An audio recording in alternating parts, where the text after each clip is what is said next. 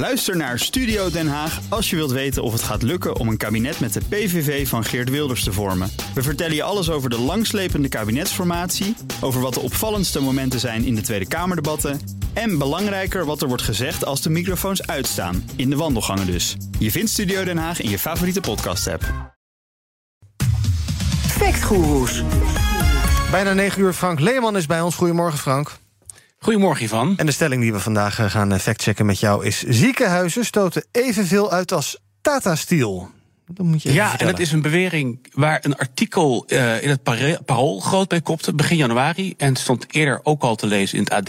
En wij op BNR hebben ook een artikel staan sinds de zomer waar deze titel gebruikt wordt. Oké, en waar komt, het, waar komt dit vandaan, deze, deze uitspraak? Nou, die, die ziekenhuiscijfers die komen onder andere uit een RIVM-rapport. En uh, voor de uitstootcijfers van Tata verwijst RTL Nieuws, die er ook al wat geschreven, naar uh, Milieuclub Urgenda, die op hun beurt de cijfers van de NEA, de Nederlandse Emissieautoriteit, als bron gebruiken. Mm -hmm. En de NEA uh, rapporteert een jaarlijkse CO2-uitstoot van 11,6 megaton voor Tata Steel. Dus het is 11,6 miljard kilo. Uh, en het ziekenhuisgetal in het rapport van het RIVM is 17,6. Dus daarmee zouden ziekenhuizen dan meer uitstoten. En die uitspraak is evenveel. Dat komt omdat er ook een wat ouder rapport is en daar is het getal wat lager. Maar ik pak even het meest recente rapport. Ja, oké. dus we kijken naar CO2-uitstoot. Uh, als je die getallen gaat vergelijken, uh, kan je die met elkaar vergelijken? Is dat een eerlijke vergelijking? Nou, ik heb via e-mail contact gehad met de NEA. En ze legden uit dat de NEA toezicht houdt op het emissiehandelssysteem, het ETS. Ja waarbij bedrijven hun emissies moeten afdekken met emissierechten. En het beschikbare emissierechten neemt elk jaar af. Wat dus zou moeten leiden tot een afname van de emissies bij de bedrijven. Maar goed, binnen dat kader van die emissierechten wordt er dus door de NEA specifiek gekeken naar, laten we zeggen, schoorsteenemissies, of scope 1, zoals dat dan heet. Mm en dat komt dan overeen met een internationale methode voor het beoordelen van emissies. Um, maar goed, daar gaat het om, schoorsteenemissies ja. uh, voor Tata. Ja, want als het over ETS gaat en over uitstoot... dan heb je altijd scope 1, 2 en 3. En de vraag is altijd, waar hou je bedrijven voor verantwoordelijk? Hoe zat het ook alweer met, wat was ook alweer scope 1, 2 en 3? Ja, precies. Ga even snel doorheen, want ik ja? moet het nog een paar keer zeggen. Dus scope 1, uh, directe emissies uit eigen activiteiten. Dus brandstofverbranding van je bedrijfsvoertuig... of het warmstoken van je gebouw met een cv-installatie. Ja. Scope 2, hè, of stapje 2, indirecte emissies door gekochte energie, dus bijvoorbeeld stroom voor het ziekenhuis. Uh, bij de energiemaatschappij is scope 3, dat zijn alle indirecte emissies van externe activiteiten in de toeleveringsketen. Dus ook productie en transport van bronmaterialen. Ja, oké, dan gaan we dus terug naar die ziekenhuizen. Uh, dat uitstootgetal, is dat inderdaad wat er alleen, nou ik zeg maar eventjes, volgens scope 1 door de schoorsteen naar buiten vliegt? Kijken ze dan alleen naar die emissies of is dat meer? Nou, eh, ik heb het rapport gekregen van het RIVM en uh, ook kort via e-mailcontact gehad met een van de onderzoekers. En voordat we eigenlijk over dat scope 1 en we daarin duiken, moet ik eigenlijk even zeggen dat je via de titel van het rapport er al achter komt dat het oh. uitstootgetal.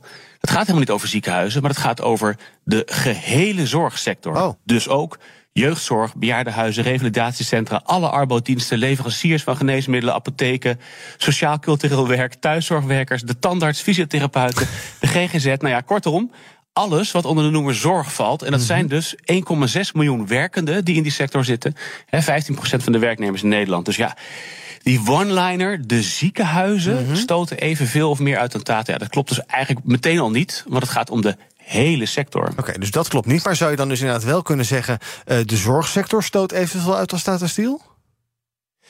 Nou ja, en dan krijg je dus een hele scope-verhaal. En het rapport over de zorg kijkt niet alleen naar scope 1, maar juist ook naar scope 2 en 3. Het rapport wil ook heel graag heel breed kijken om een soort voorbeeld te zijn hoe, voor hoe dit zou moeten binnen de aankomende internationale wetgeving Corporate Sustainability Reporting Directive, mm -hmm. de CSRD. En in hun uitstootgetal zit dus bijvoorbeeld ook, en dat hoort eigenlijk niet helemaal bij de scope, de uitstoot van de werknemers die naar hun werkgever mhm. rijden. Dus 15% van de werknemers van Nederland.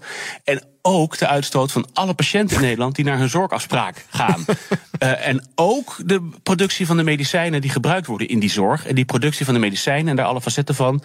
Dat is al 40% van het uitstootcijfer van de zorg. Mm.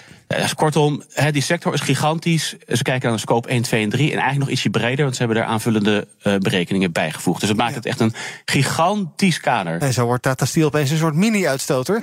uh, ja. En ja, we zijn dus nu ook een beetje appels met, met, met, met, met peer aan het vergelijken. Maar zou je het wel, kan je wel een gelijke uh, grootheid bedenken? Hè? Dat je daadwerkelijk appels met appels vergelijkt? Nou ja, goed, het vraag is natuurlijk als je een sector met één speler vergelijkt, is het überhaupt een Alpro? Maar goed, we, doen het even een beetje grof weg. Als ik voor Tata alleen scope 1 zou pakken, is dat 11,6 megaton dus. En voor de zorg is dat 1,6 megaton. Ja, en als ik voor, uh, voor Tata scope 1, 2, 3 pak, dan zitten ze grofweg op, die 5, op 15,5 megaton. Mm -hmm.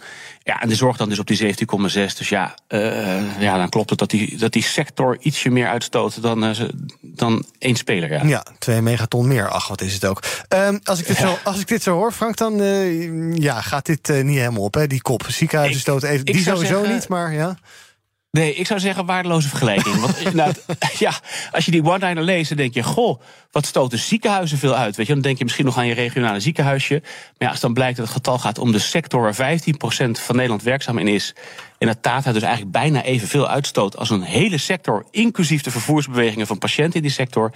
Ja, dan vertelt dat toch volgens mij een heel ander verhaal dan de ziekenhuizen staan zo lekker door de schoorsteen te roken. Ja, nou, ik heb het paroolartikel hier bij me, maar dat kan gewoon zo de vuilnisbak in. Ver, verbranden, lekker uitstoten. Ja, perfect vroeger van Kleeman, dankjewel. Ook Liesbeth Staats vind je in de BNR-app. Ja, heel handig. Luister live naar Kees en mij tijdens de Daily Move. Dan blijf je ook gelijk op de hoogte van breaking news en het laatste zakelijke nieuws. En daar vind je ook alle BNR-podcasts, waaronder de Perestrooikast. Download nu de gratis BNR-app en blijf scherp.